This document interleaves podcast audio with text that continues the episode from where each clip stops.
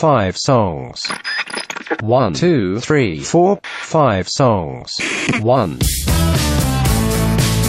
This uh, song is definitely linked with uh, sunshine and palm trees, and some other things I won't uh, I won't tell to on the radio. Two, Hey girls, beat boys. Uh, I, I've always been very jealous about the name of these bands. I mean, I'm, I'm, I'm considering also as a chemical brother also.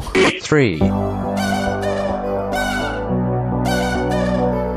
He's approaching his voice like a, like an instrument. He's really part of the the whole processing, the whole production of a, of a track. four,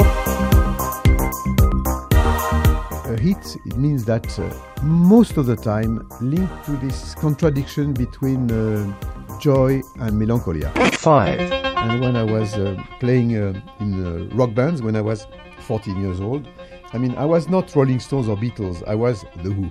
five songs. Amb Blai Mercè.